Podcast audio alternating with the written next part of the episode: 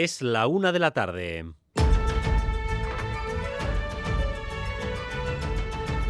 Crónica de Euskadi con Dani Álvarez. A Rachaldeón, esta mañana hemos escuchado por vez primera a Nelson David, el acusado de haber asesinado a varios hombres en Vizcaya tras contactar con ellos a través de una aplicación de citas. Este es el primer juicio y la víctima es un hombre que logró sobrevivir al ataque. El caso es determinante porque permitió abrir una investigación que tuvo en vilo a la comunidad gay de Bilbao durante semanas.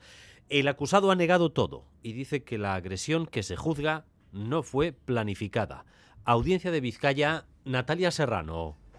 Aquí en la audiencia de Vizcaya declara ahora a puerta cerrada a la víctima, a quien sí hemos escuchado, como dices, es al acusado, que ha repetido que la tarde de los hechos en el piso de la víctima no pasó nada realmente, no fue nada, apenas unos segundos, por una desconexión, ha explicado, de su cuerpo y su mente, por un impulso, intentó aturdir a la víctima. Y fue como cogerle así, dándole besitos por el cuello. Y fue como un momento de como de, no sé, de, de reacción ahí que como que intenté como no sé si, si aturdirlo como me decían, pero en mi mente hay un mito como que fue cuestión de segundos de decir como que qué haces, que mi mente y el cuerpo se desconectaron de por sí. Yo quería salir huyendo de ahí porque me... Perdóneme, es decir, usted está durante, un, ¿cuánto? Unos dos con el brazo. Es que fue, fue nada. Y luego ha explicado que intentó huir porque la víctima no paraba de gritar, pero que en ese momento no lo conseguía, con lo cual con una estatuilla a la entrada de la vivienda le pegó un golpe para zafarse de él. Posteriormente se marchó a Murcia porque sus colegas le dijeron que la había cagado y al volver a Bilbao fue cuando se encontró en la prensa su nombre y su foto como el asesino de gays. Los delitos a los que se enfrentará en el futuro en los tribunales serán previsiblemente cinco homicidios y dos intentos de homicidio eh, todos al parecer con el propósito de robar. Los grupos en defensa de los derechos de las personas LGTBI toman parte activa en este proceso, bien como acusación popular o bien manifestándose para que no se estigmatice a las víctimas, hombres que buscaban relaciones con otros hombres, Xavier Madariaga. Sí, los hemos visto pancarta en mano a los de EGAM antes de arrancar el juicio. Denuncian un silencio administrativo fruto de la estigmatización de las víctimas por el simple hecho de disfrutar de su libertad sexual en aplicaciones de contactos. La acusación popular que ejerce Gaitu además no ve a la justicia a la altura. Fiscalía se niega a acumular causas mientras Gaitu las ve directamente relacionadas con el agravante de la orientación sexual, porque cuanto más en el armario, más vulnerables fueron las víctimas. Además, esta semana tenemos dos convocatorias de huelga en el sector público mañana mismo primera huelga en la escuela pública.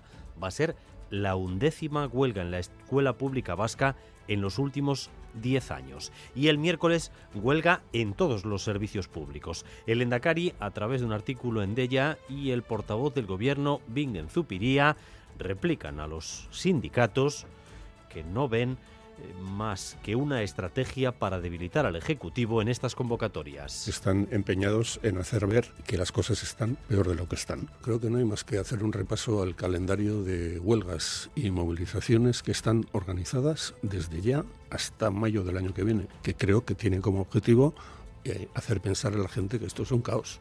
Uh -huh. Y yo creo que no vivo en una sociedad que está en el caos.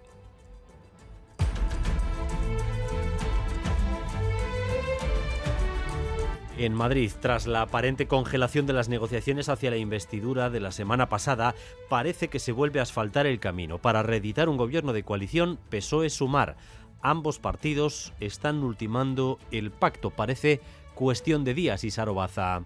Eso es, el acuerdo de gobierno está cerca, llegará. En los próximos días los socios se dieron de plazo octubre para cerrar el acuerdo y parece que así será. Desde Sumar se muestran confiados en que el acuerdo llegará antes de que termine el mes. Las negociaciones están ya encarriladas y avanzadas. Los de Yolanda Díaz siguen poniendo sobre la mesa sus exigencias, entre ellas la reducción de la jornada laboral, pero salvo giro de guion inesperado, los socios presentarán el acuerdo en los próximos siete días antes de pasar una hoja más en el calendario. En Argentina, el que más grita no es el que más gana, al menos en la primera vuelta. El histriónico Milei no ha sido el más votado.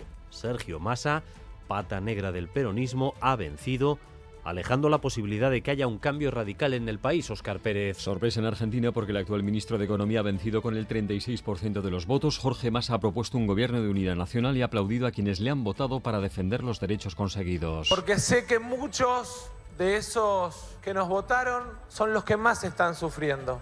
No les voy a fallar.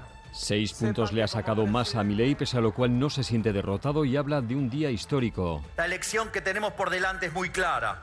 O cambiamos o nos hundimos. ¿Por qué se ha producido este vuelco en los comicios? Hay un factor que no tuvo protagonismo en las primarias que ganó Milei. Gonzalo Fiores, profesor de la Universidad de Córdoba en Argentina. El miedo que generaba el, candidato de la extrema derecha y propuestas completamente ajenas y desconectadas de la tradición política argentina. La segunda vuelta de las presidenciales entre Massa y Milei se celebrará el 19 de noviembre próximo. El Festival Cinevi de Bilbao iniciará su edición número 65 el próximo día 10 de noviembre con una programación como es habitual, repleta de cortometrajes y documentales. Se han dado a conocer hoy los premios de honor de este año en el Cinevi. Al documentalista estadounidense Frederick Weisman se suman la cineasta portuguesa Rita Acevedo Gómez y nuestro querido Félix Linares. Un premio emotivo que recogerá en la gala de apertura que se va a celebrar en el Teatro Arriaga. Habla la directora de Cinevi, Vanessa Fernández.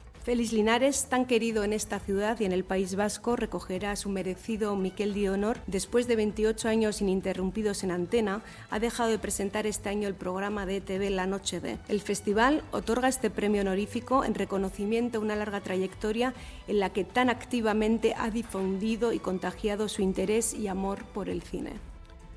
Y vamos también con lo más destacado del deporte, con César Pérez de Gazola. Zarrachaldeón, César. Arrachaldeón, Dani. La Real Sociedad está viajando ahora mismo hacia Lisboa. Mañana el equipo de Manuel juega ante el Benfica portugués. Partido de la tercera jornada de la fase de grupos de la Champions. Un nuevo triunfo de los Churdin dejaría prácticamente descartado al Benfica y acercaría muchísimo al conjunto Donostierra a los octavos de final. Y en ciclismo, el fichaje de Lorenzo Arvide, confirmado esta misma mañana, trae la plantilla de Laboral Cucha. Son 17 corredoras, 6 de ellas vascas la contratación de Lorenzo Arvide, la ciclista a aportar experiencia a un equipo que quiere ser World Tour.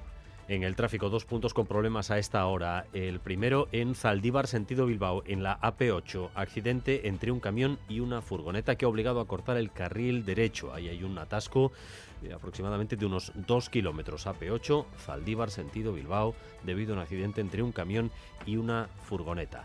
Y en Cigoitia, en la N622, en este caso también sentido hacia Bilbao, accidente entre dos camiones que sigue provocando problemas para circular a estas horas porque uno de los carriles continúa cortado según el Departamento de Seguridad. Cigoitia, sentido Bilbao, N622. Y recuerden que si ustedes quieren ayudar a otros conductores eh, aportando información de tráfico, 688-840-840, el WhatsApp de Radio Euskadi. En cuanto al tiempo, en las próximas horas se espera que llegue un nuevo frente que nos va a dejar chubascos intermitentes más probables en el último tramo del día. El viento va a soplar de componente oeste, aumentando poco a poco su intensidad. Las máximas se van a mantener en torno a los 22 grados en la costa y algo menos en el interior. De momento rozamos los 20 grados en Bilbao Donostia, 18 grados Guernica, Arrasate, 15 Vitoria-Gasteiz y La Bastida, 14 grados de temperatura en Iruña. Gracias un día más por elegir Radio Euskadi y Radio Vitoria para informarse. Raúl González y José Ignacio Revuelta en la dirección técnica, María Cereceda en la coordinación. Crónica de Euskadi con Dani Álvarez.